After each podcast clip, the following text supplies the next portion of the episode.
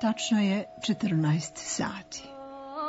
Ja, ja uvek slušam radio, samo ne umem baš tako kao mama da ga pustim. Radio Beograd 2, Riznica. Radio. Riznica.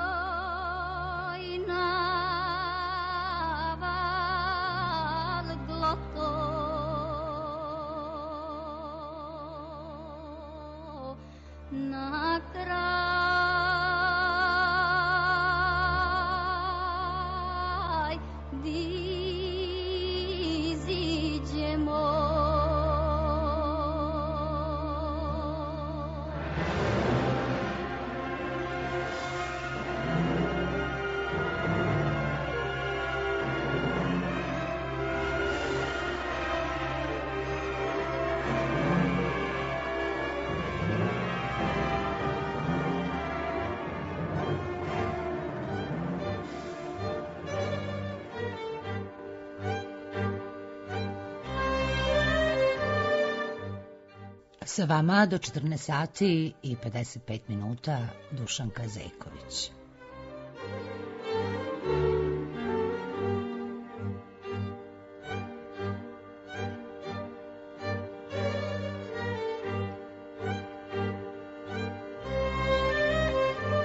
Ono što je otac, veliki župan, Stefan Nemanja pripremio, sinovi ostvarili – 1217.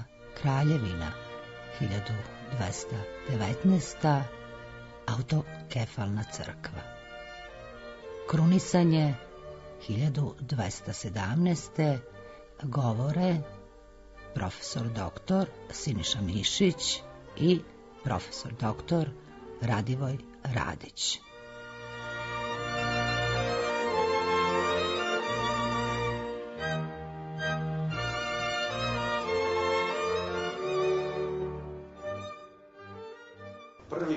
Nacionalni kult je stvoren upravo u vreme kad je stvarana dinastija i stvoren je od rodonačelnika dinastije. To je izuzetno važno za istoriju Nemanjića, pa naravno i za istoriju Srbije dok e, njome vladaju, e, vladaju Nemanjići.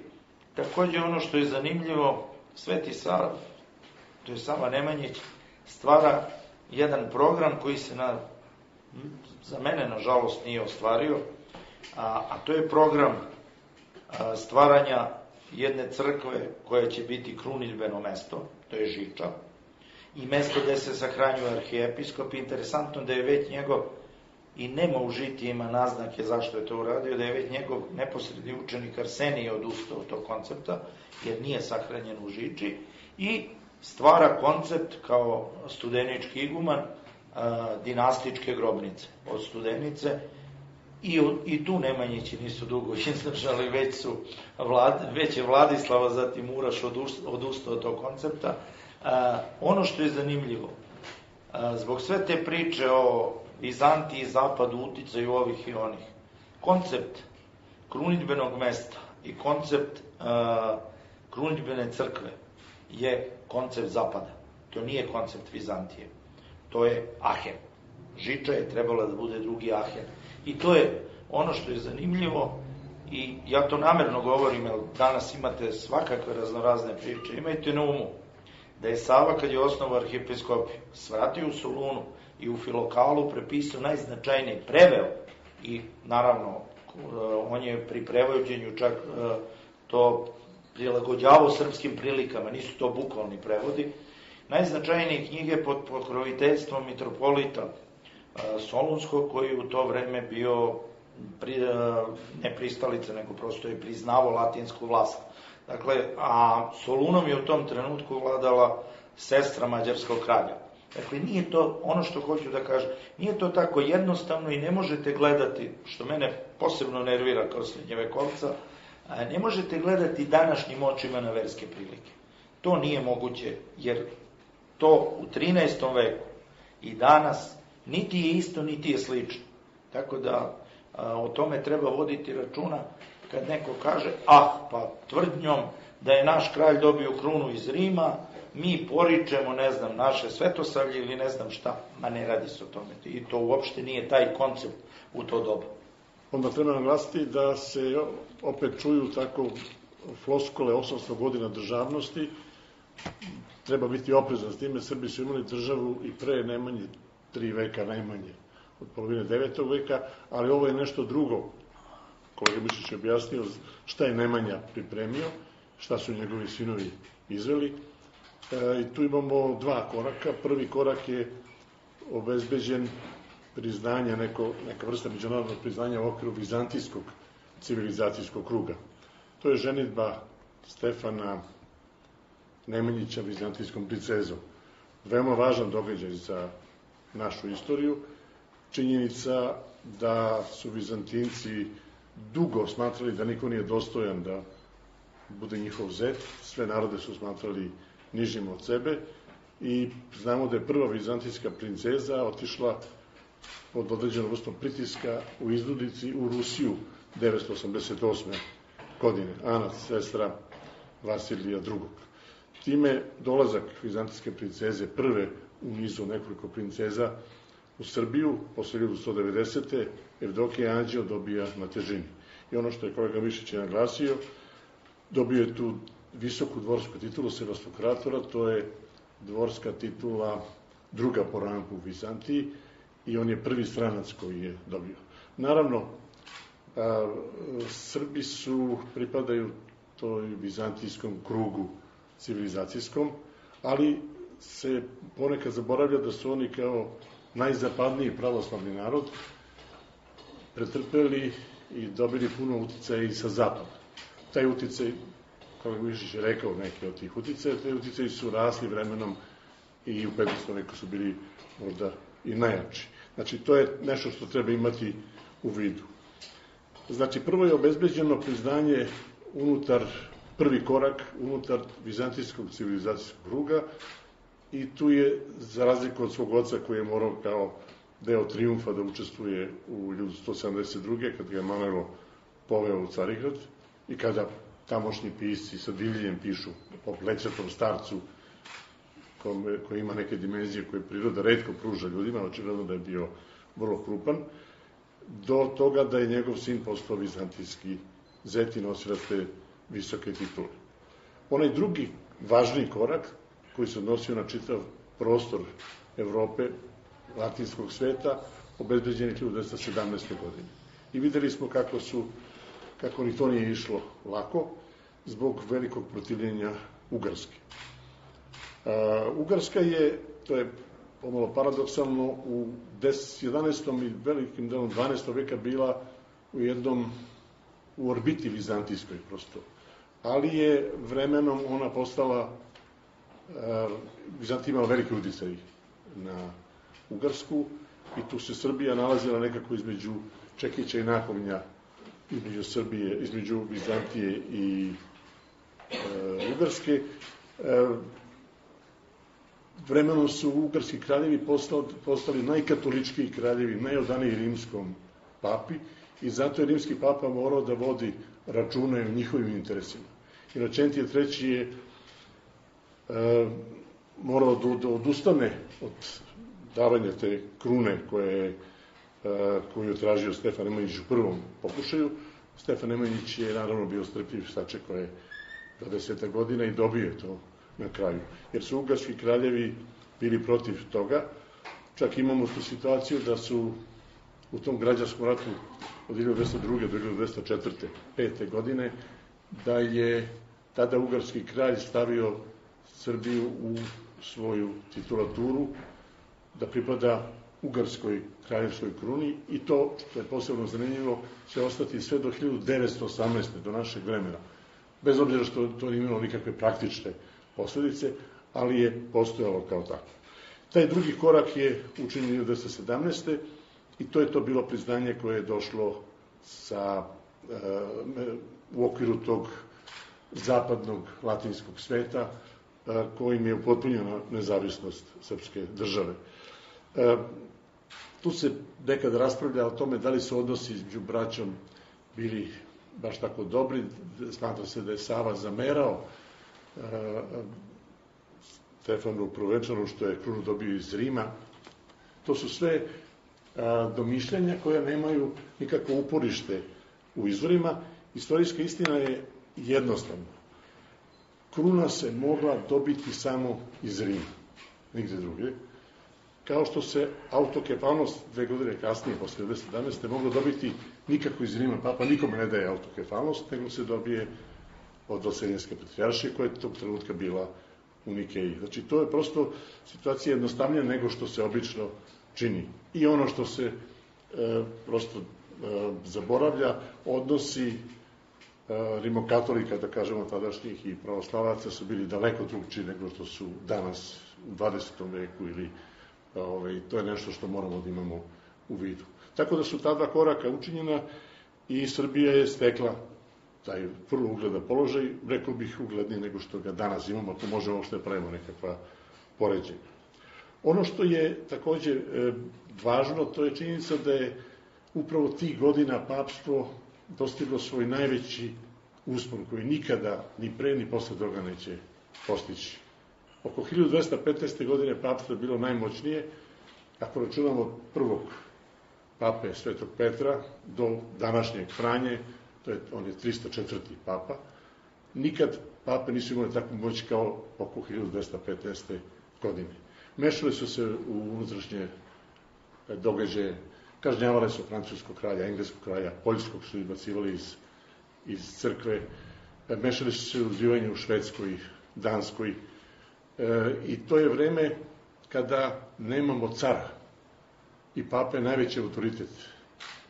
E, Vizantijskog cara više nema, Vizantija je srušena, u Nemačkoj ide građanski rat, nema, nema cara, tako da je u tom trenutku to sve doprino da papstvo bude na vrhuncu te svoje moći, što, što je bila ta povoljna okolnost.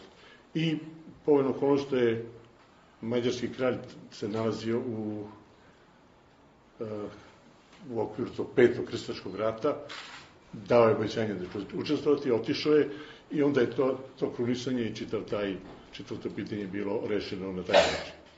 Da biste e, još bolje razumeli e, kraljevsku titulu tog vremena, njen značaj, treba reći da su 1204. godine Bugari, koji su obnovili svoje carstvo imali carsku titulu, ipak tražili iz Rima u jednoj složenoj igri odnose sa papskom kurijom, tražili i dobili kraljevsku krunu. U novembru 1204. bugarskog cara Kalojana je za kralja krunisao papski legat. Istina, bio ga je zadržao na putu preko Mađarske, zadržali su ga Mađari, ali papa je onda posredovao oni su ga pustili da obavi to krunisanje, koje je verovatno bilo istovetno sa ovim koje, koje je bilo u slučaju e, Stefana Provančana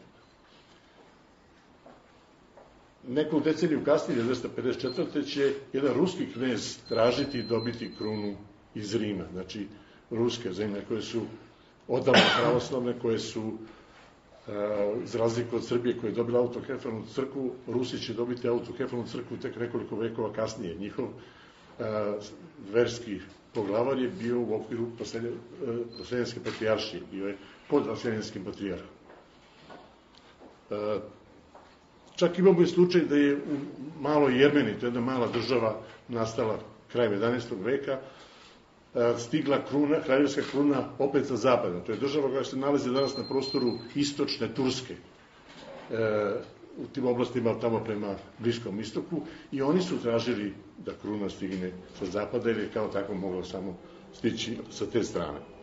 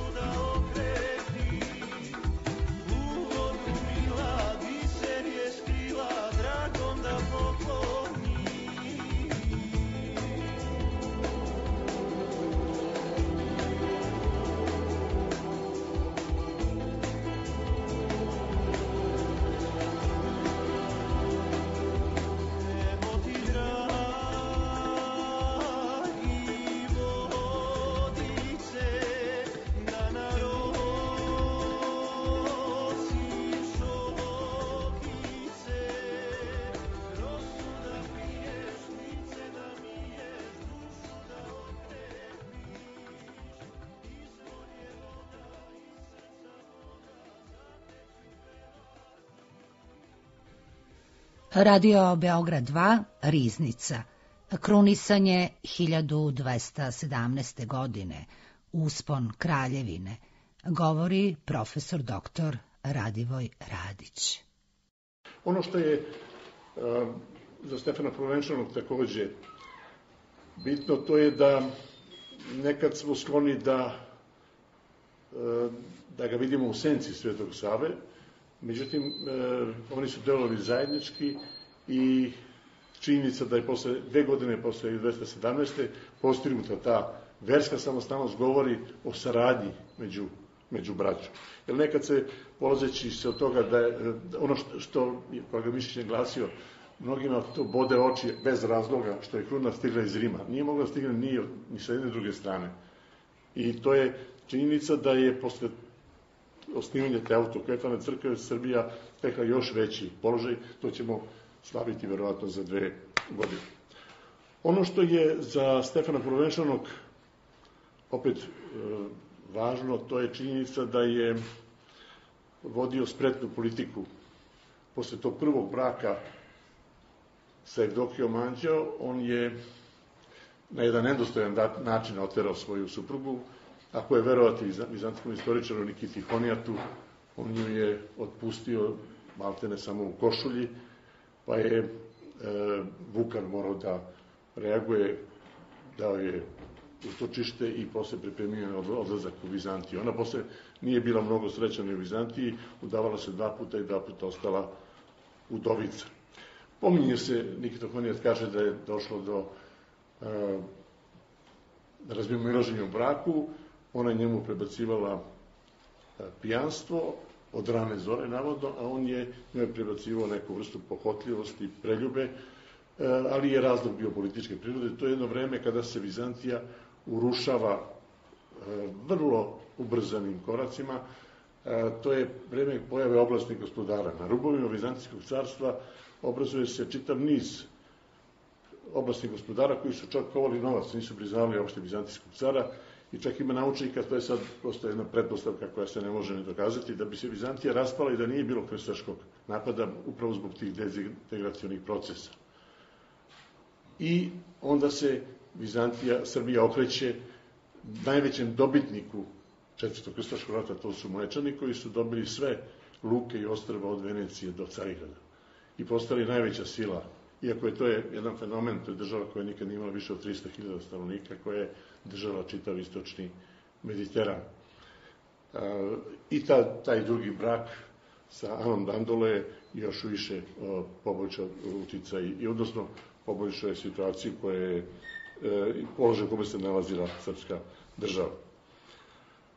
E, kad govorimo o Stefanu Provenčanu, ovo je prosto njemu najviše posvećeno, treba da naglasimo da je on bio sjajan književnik, istoričar i književnosti, ističu to i pominju ne samo to žitije koje je prvo te vrste kod nas, koje pokazuje da je on odlično poznavao vizantijska žitija, koja su mu bila uzor, nego i povelje koje je pis sastavljao.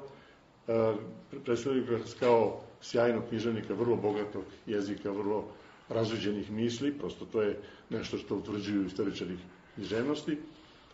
E, saznamo i to da je, znamo da je bio dobar vojskovođa, političar, e, znamo i to da je e, bio dobar pripovedač, kako kaže jedno naše žitije, i da je voleo da se zabavlja, pominju se neki bubnjevi i gajde kao instrumenti koji su bili njegovom dvoru i koji su činili tu vrstu zabave, srednjovekovne naravno kao takve. E, izgleda da nije bio baš e, čeličnog zdravlja, poboljevao je posle 1917. veoma često, mnogo i tu prestaju neke glavne njegove aktivnosti i e, njegova smrt je usledila dosta e, se to desilo naglo, e, Sava je obavešteno je brat bolestan, prethodno je bivao bolestan, sa jednog njegovog putovanja kad se vraćao, nije čak stigao, nije mogao da izađe da ga pozdravi jer je bio u postelji.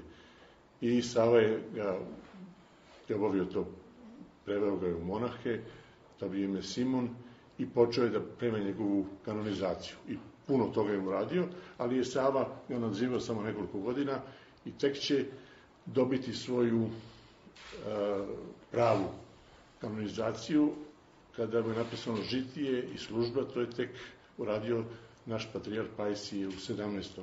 veku. E, tako da je prosto taj proces potrajao, nekad se to prosto događa. Imamo zanimljive primere, recimo Despo Stefana Zaravić je proglašen za sveca tačno 500 godina posle smrti. Jovanka Orleanka na zapadu, koja je preokrenula rat Francuza i Engleza, proglašena je u 20. veku, znači takođe 500 godina posle, posle svoje smrti. Ona je bila savremenik Stefana Lazarevića. I koliko god je imao zanimljiv i buran život, toliko su njegove mošti imale zanimljivu istoriju. 15. puta su se selile, on je sahranjen e, u Studenici, pa je prebačen posle u Žiču, pa kad je Žiča pohrana u drugoj polovini 13. veka, prebačen je u Sopoćane i zakopan je e, taj njegov kivot zbog straha od Turaka. I onda imate jednu zanimljivu priču da je se mm, igumanu manastira javio Stefan u snu i rekao da ga otkopa. On je to rekao lokalnom episkopu Josifu, ovaj se uplašio zbog Turaka, da li to može da uradi, onda je taj san usnio i Patrijar Pajsi, oni su zajedno došli, obavili i tad je završena njegova kanonizacija, onda ide nekoliko puta, da ne pominju sad i godine i mesta, išao je dva puta je čak e, prelazio Dunav, na nekakvoj dereli, monasi su ga ovaj, prenosili, vraćali i e, u novoj srpskoj državi on je njegov lik je bio na Karadžođevoj zastavi i Obrenović i Karadžođevići su insistirali na njemu, evo, veoma značajan za ideologiju e, vladarsku koju su u toj novoj državi koja je stvorena, koju su polako stvarali e, uspeli da naprave. Znači, jedna e, zanimljiva ličnost i imamo puno razloga, imate vi u Raškoj puno razloga da budete ponosni, da imate takvu jednu jednu e, proslavu koja je posvećena ovom srpskom vladaru. Neke od e, posledica toga što je on uradio, jer su se videli te kasnije, to je taj privredni uspon, e, za koji će uslediti neku deceniju kasnije i pomenut ću opet Soboćane, to uvek volim da pomenem, to je činjenica koju e, govore vrlo rado istoričar umetnosti, opšte je priznata, e, oko 1260. 1265. Slikarstvo Sopoćana je najbolje slikarstvo u Evropi. Vizantije se tek uspostavlja, tek je obnovljena. Giotto se tek rodio, taj čovjek koji će promeniti istoriju slikarstva na zapadu i ovde znači, Sopoćanima je bilo najbolje slikarstvo tog vremena. I onda sledi jedan od njegovih sinova, najmlađi, najflusobniji, očigledno Uroš je doveo rudare i počinje taj uspon koji se, je neka vrsta nadgradnje na ovim državotvornim uspesima koje je Stefan Provenčani e, uspeo da sa bratom Savom, naravno, e, za vreme sve vladavine postigne. Iznica. Da li je primanje krune iz Rima 1217. godine imalo svoje uslove i da li je Srbija bila u opasnosti da bude pokatoličena? Dobijanjem krune rastuli Nemanjićke ambicije da zauzme mesto i uticaj Pale Vizantije, govore profesor dr. Radivoj Radić i profesor dr. Siniša Mišić. E, mislim da ta opasnost nikad nije postojala, kao ni činjenica da sa to primanje krune jeste značilo neku vrstu priznanja papi kao važnog velikodostojniku, ali nije imao nikakve praktične posledice. E, kad ovo kažem, e, iste, i kasnije će Milutin i Dušan će u jednom trenutku posegnuti za nekakvim obećanjima e, prevođenja o katoličku veru, ali to su bili samo politički potezi koji nikad nisu imali bili prosto. To se radi, vizantski carevi su to stalno radili, obećavali ono što nisu mogli da ispune ili što nisu želeli da ispune, osim nekih najekstremnijih situacija, mislim tu na sklapanje dve unije, koje opet srpske zemlje su odlučno odbacile. I Lijonsku i kasnije Ferentinsku Srbi su odbacili. Znači, ta opasnost nikad nije postojala. A zašto, kolega Mišić ja kažemo, mi danas kad kažemo limokatolici uvek da će biti malo, pomislimo na Ustaše, na te strašne događaje iz 20. veka i te odnose koji su u 19. 20. veku dobri, dobri su doveli. To je, e, u srednjem veku nije bilo tako, u srpskoj državi je uvek bilo rimokatolika, više u Primorju naravno nego u ovde su bili to dubrovački trgovaci, trgovci i ti odnosi nisu bili tako a, a, ostrašćeni, puni te e, negativne energije, prosto a, drugo je vreme, drugačije je bilo. Mi sad imamo to opterećenje, te naslage tih strašnih događaja iz 20. veka i uvek e, prva asocijacija, tako kad se kaže, ovaj, ima se ta jedna rezerva i otlom prema Rimu i prema, i prema onome što se događalo u 20. veku. To je, to što me vi pitate, to je doba Milutina, a posebno doba cara Dušana. Ne teže Srbija da zameni Vizantijsko carstvo 1217. ili 1220. kad se e, završava Žiča, prvo nema šta da zameni, u to vreme nema carstva Vizantijskog. To mora da se shvati. Drugo, a, i Sava i Stefan su neke dobre koncepte uzimali i sa zapada i sa istoka. Drugo, morate imati jednu stvar na umu. Prvi put su srpske zemlje ujedinjene u vreme Stefana Nemanje. Srpske zemlje nisu sve bile pod jurisdikcijom Vizantije. Polovina srpskih zemalja koje inkliniraju ka primorju su bile pod jurisdikcijom crkava koje su bile pod jurisdikcijom Rima. Dakle, sve od Cetine, gde se formirala srpska granica posle Nemanjenih osvajanja, pa dole do blizu Drača, dakle do Lješa, je teritorija koja je načičkana crkvama koje su podložne rimskom papi i rimskoj crkvi. Srpska država u trenutku ujedinjenja baštini dva koncepta. Jedan pravoslavni, drugi, ajde uslovno kažemo katolički. Drugo, imajte na umu da nije prošlo ni 100 godina od trenutka rascepa među crkvama. E, mi danas govorimo iz tradicije koja traje hiljadu godina. Hiljadu godina hrišćanstvo živi u rascepu. A trenutak 1217. je nekih 60 godina koliko hrišćanstvo živi u rascepu. To među običnim vernicima još nije ni bilo svesti da postoji rascep. To je prva stvar. Druga stvar, tek sa 1219. i dobijanjem autokefalnosti, srpska država se definitivno orijentisala kao pravoslavna država. Do tog vremena vi imate Jakutica i preko Kotora, preko Bara, katoličke crkve, jer to su podavnici srpskog kraja. Kotor je najveći srpski grad dok se ne razvije rudarstvo. Najveći. Najznačajniji. Sveštena lica iz Kotora su najvažnije diplomate srpskog vladara. I Nemanje i Stefana Prvovenčana. Oni idu u misije na zapad. Na istok idu pravoslavni monasi. Dakle, tek Nemanjinom vladavinom, Nemanjinim odlučnim podizanjem manastira i guranjem Srbije u pravoslavlje, Srbija se opredelila. I to morate imati na umu. Znači, nije se Srbija opredelila tri veka ranije za pravoslavlje, jer nije ni mogla. Nije bilo pravoslavlja i katoličanstva, bilo je hrišćanstvo. Na kraju krajeva, vizantijski car je poglavar svih hrišćana dok ne dođe do rascepa. I onih hrišćana u Rimu. I pape. On je, vizan, on je car pape. E, sa razvojem situacije stvari se naravno menjaju, ali one na terenu ne mogu tako brzo da se promene.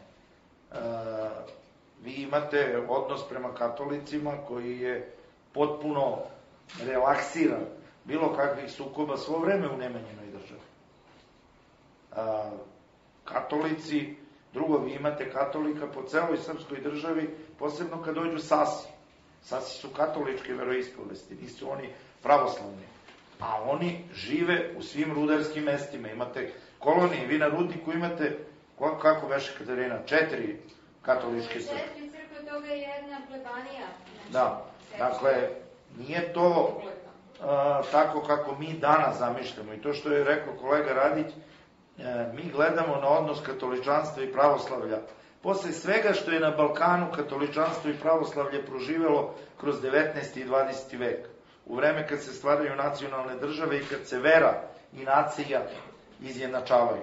To su potpuno drugač, drugačiji svetovi, to nisu uh, svetovi toga doba.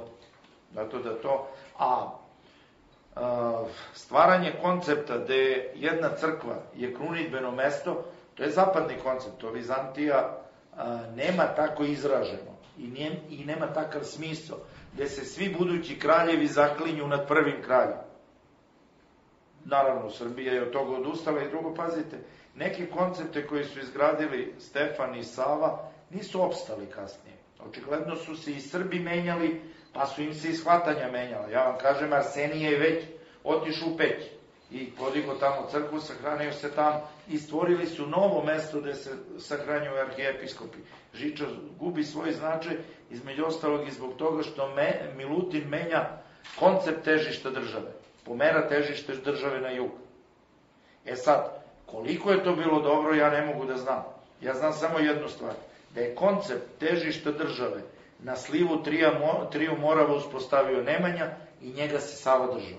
Njihovi naslednici su taj koncept napustili da bi se njemu vratio knez Lazar i Lazarević. Oni se opet vraćaju na koncept toga, jer ne zaboravite, prvi srpski arhijepiskop ima svoju episkopiju. To je prostor koji pokriva Žiča.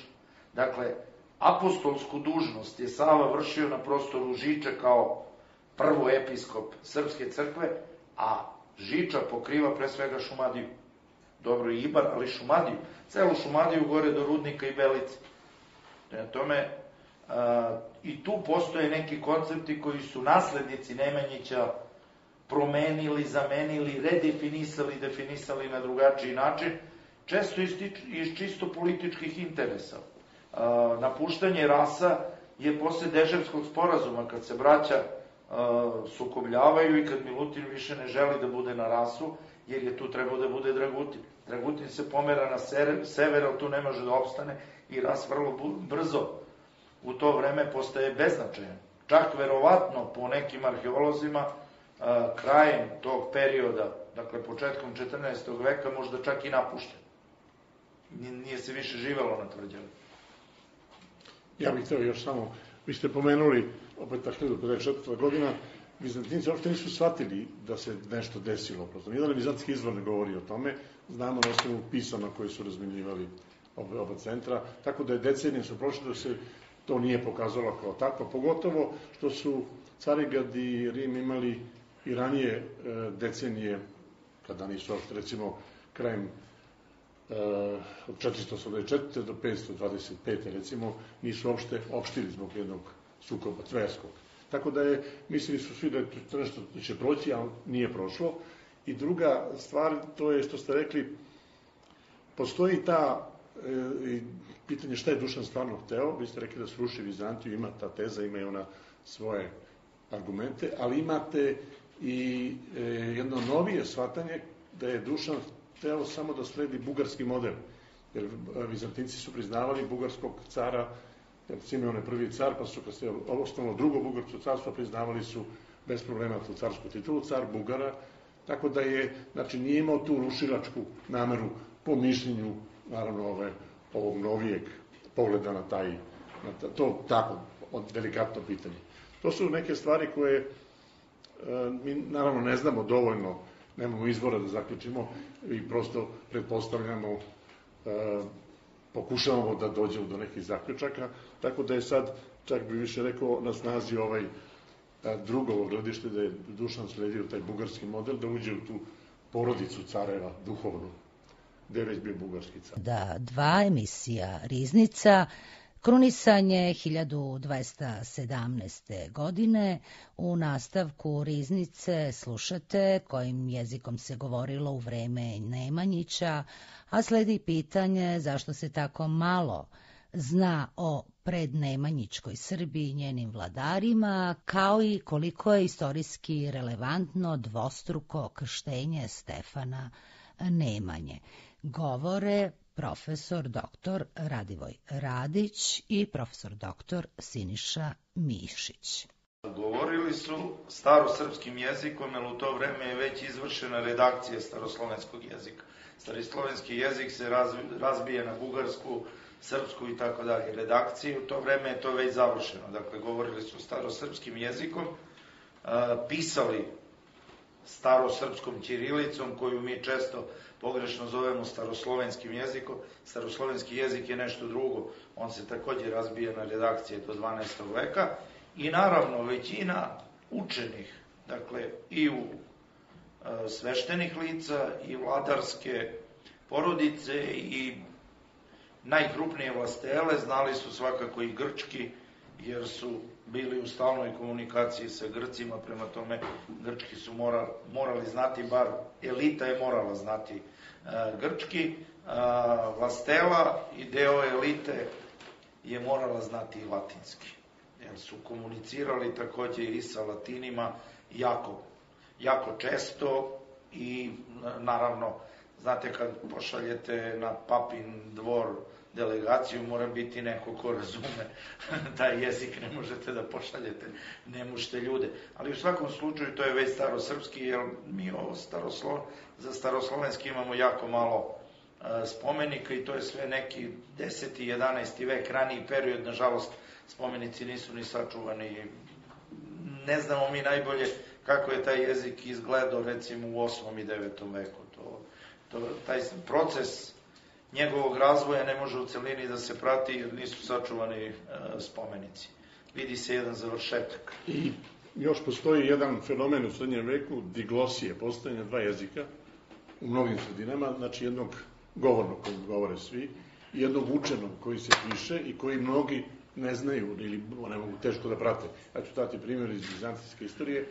Ana Komina, učena princeza, je pisala kako je učila taj jezik, stari To je atički dijalekt iz vremena Perika koji je veštački održavan i na njemu se pisao. I ako biste vi na tom jeziku ona napisala svoju čuvenu istoriju, remek dela bizantske knježenosti, ako biste njenom nepismenom zemljaku nekome čitali, teško da bi moglo da prati. Ako je to grčki jezik, i on je znao onaj obični grčki, ne ovaj učeni koji se održavao kroz vekove, koji je bio arhaičan, taj fenomen kod Grka postoji gotovo do našeg vremena.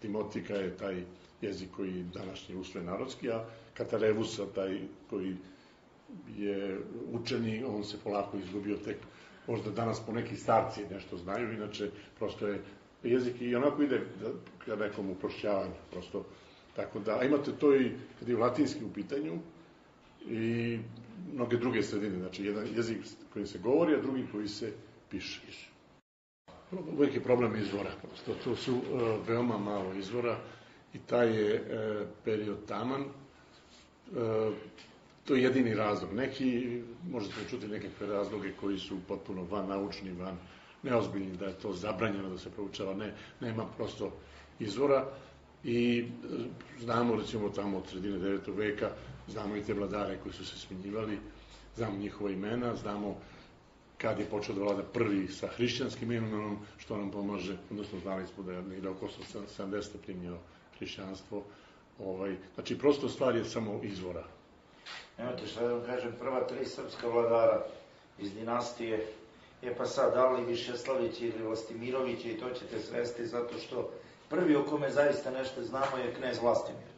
Ali a, prethodna dva kneza znamo njihova imena, to su Prosogo, Prosogo i a, Višeslav, ali njima ne znamo ništa više. Sačuvali su se u jednoj e, vizantijskoj hronici i zahvaljujući tome znamo imena i ni jedan više podatak, tako da je to razlog prosto, e, jer taj period ranog srednjeg veka je jako a, devastiran što se tiče pisanih izvora, tu ima jedan ili dva kontinuirana pisana izvora, pri tome su nastali u 10. i 12. veku, a svedoče o ranijem periodu, tu pre svega mislim na Konstantina Porfirogenita, letopis Popa Dukljanina nije baš validan, a sa druge strane e, mi smo uvek bili siromašna država da bi imali kvalitetna i e, kontinuirana arheološka istraživanja koje vam jedina mogu dati podatke iz tog perioda kad nemate pisane građe, pisanih izvora. I zbog toga je to tako, a dobro u školama to je druga priča. Ako vam, znate, daju mogućnost da napišete ovoliki učbenik i u njemu da stavite svu istoriju srednjeg veka, onda naravno da ćete taj period da se najmanje zna eh, da skratite maksimalno, da biste mogli da pričate o Nemanjićima, Lazarevićima, Brankovićima, što je zaista važnije od onog prethodnog, ovo samo pomenete. To je jedini razlog. Nema neke zle sile, nego prosto su prilike tako. Verujte, muka je pisati učbenike, ja sam pisao više nikad neću jedan učbenik za gimnaziju i namučio sam se i kad je sve, pomagali su mi i kad je sve završeno, opet nisam siguran da je to baš ispalo kako treba. Prosto treba to prilagoditi. Oni su propisali 36 lekcija sa nazivima, po ne znam koliko e, stranica morate dodati neke izvore i to reći na neki način koji će dete u petom ili u šestom, šestom, što u šestom razredu uči srednji vek ili u drugom gimnazije razumeti tako da je e, nije lako prosto. Često me pitaju zašto u Vizantiji tako malo ovaj, e, ima u urbanicima. E, ja kažem, pa ima koliko treba da ima, jer to dete ima 15 predmeta i istorija je samo jedan. Ako bismo opteretili sa toliko, onda šta bi druge predmete radili. Prosto je ne može se više. Naravno, ima onih koji su zainteresovani. Ja imam te najbolje iskustvo iz Petnice, tamo dolaziti kod Valjeva, to je taj istraživački centar. Verujte šta sve znaju ti, ovaj, ta deca, to je fantastično. Nedavno je povodom ove knjige i ovih ove godišnjice bio, bio takmičenje gde su osnovci pobedili srednjoškolce, što je opet meni. Dobro je što nisu učestvovali studenti, jer ko zna šta bi sve bilo.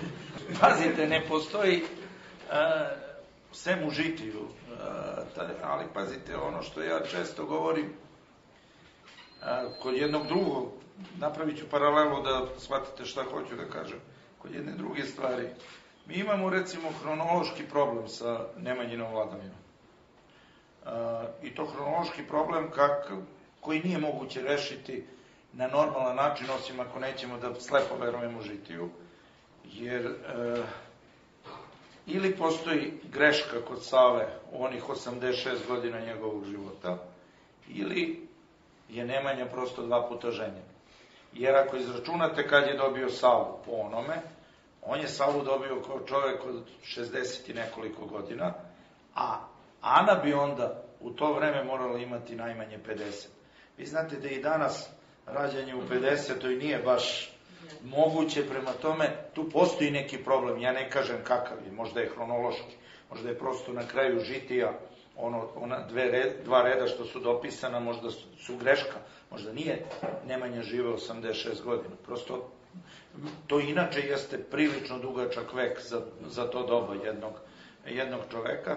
Sa druge strane, a, pazite da je čak i imao dva braka. Sava piše žitije, budućem prvom opšte priznatom srpskom svetitelju, koji je vladar svetitelj i osnivač dinastije, pa to su žitiju ne može napisati. Prema tome, da li je bilo dvostruko krštenje ili nije, ja ne umem da vam kažem. Problem je u tome što je to vreme kad nema neke velike razlike i nema između latinskog i pravoslavnog krštenja, A, zašto bi imali potrebu da dva puta krste jedno dete koje je kršteno već jedno? Ne znam, jedino opravdanje toga može biti, ali to bi onda naš kolega Tibor Živković bio u pravu. Imamo mi jednog kolegu koji tvrdi nešto što nije moguće. Znate, vi u tom ranom srednjem veku imate probleme koje možete tvrditi ovako ili ovako, ali nema dokaza za ni jedno ni drugo. Pa smo onda svi u pravu, jel te? E, kolega tvrdi da je Zavida bio žup, veliki župan. Za to nema ni jednog pisanog podatka, ali nemam ni ja ni jedan da to spore. Ako se pretpostavi da je možda bio veliki župan koga su oterali rođaci, jer onda su Vukanovići rođaci, i to nije sporno, oni jesu rođaci, e, onda možda je, onda je moguće to krštenje kao pod, i to u rasu kao podvlačenje značenja bivše vladarske porodice ali to je spekulacija. Dakle, e, ceo taj deo o Nemanji su spekulacije koje prave naučnici, nema dokaza ni za što od toga, osim da se opredelite ili da verujete žitiju potpuno, ili da imate kritički stav. Ja prema narativnim izvorima imam kritički stav. Narativni izvori ne nastaju da objasne istinu u istoriji, nego nastaju se nekim drugim e, povodima. Pri tome, kod žitija vi morate znati da u žitija svetitelja, dakle, onaj ko piše, on piše žitije svetitelju. Tu neke stvari prosto nemaju mesta. Ne mogu naći mesta.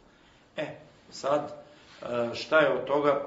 Ne znam, zaista. Postoji zaista taj problem koji je prosto učešći u jednoj svetoj tajni dva puta nije uobičajena stvar.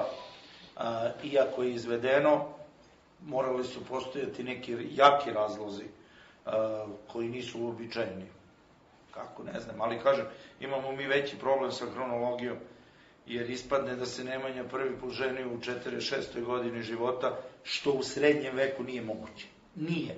Ni na zapadu, ni na istoku, to odgovorno tvrdi, mogu da potpišem pred bilo kim. u srednjem veku prva ženitba pada između 14. i 18. godine. Obavezno. Ili se dete šalju u manastir. Dakle, ili je monah do svoje 20. već, Znate, imate vladarsku porodicu, najmlađi sin obično završi među monahe da ne bi dizu ustanak sutra. Tome, nije to, nije to neuobičajeno ni na istoku, ni na zapadu. Ali, ovaj, ali ako nije monah, on je oženjen, prosto je to takav svet. Sveti Sava je otišao da bude udevni knez, da nije pobegao iz udevne kneževine i zamonašio se, bio bi oženjen. Vrlo brzo. Pišu žitiju da su bili planovi da ga... Pa naravno, pa naravno da su planovi. On je već napunio 16 godina kad je preuzeo hum i prva sledeća stepenica je ženitba. To je normalno. E sad, vi imate po hronologiji koja je data u, u, u žitiju Stefana Nemanje od, Sav, od Svetoga Save, hronologiju po kojoj Nemanja živi 86 godina, jedini put se ženi Anom i kad izračunate to vreme, on je morao ili da se oženi sa 46, 50, pa da ona može da rađa do 1275. Ili ona 1275. rađa sa 50 godina, to, to nije moguće. Pitajte lekare danas, to nije moguće, mani u ono vreme. Prema tome, tu postoji neki problem, ali kad imate samo narativni izvor kao izvor, vi možete samo da spekulišete, nemate mogućnost. Jer pazite, i ova istorija jeste, to je kraj zanimljive istorije za ove takozvane hobiste. Jer oni se zanimaju za srednjevekovnu istoriju najraniji period i ovo do Nemanje iz Stefana Prvovenčanog. Vremena Uroša počinje Dubrovački arhiv, počinje svakog dana da se nešto beleži i tu nema spekulacija. Ne možete izmišljati ništa. A ovde može, prosto ne znam nije nemoguće, ne isključuje mogućnost drugog krštenja, ali je neuobičajeno. I za to vreme neuobičajeno, izuzetno. Ono što je otac pripremio, sinovi ostvarili, krunisanje 1217. godine, govorili su profesor dr. Radivoj Radić i profesor dr. Siniša Mišić.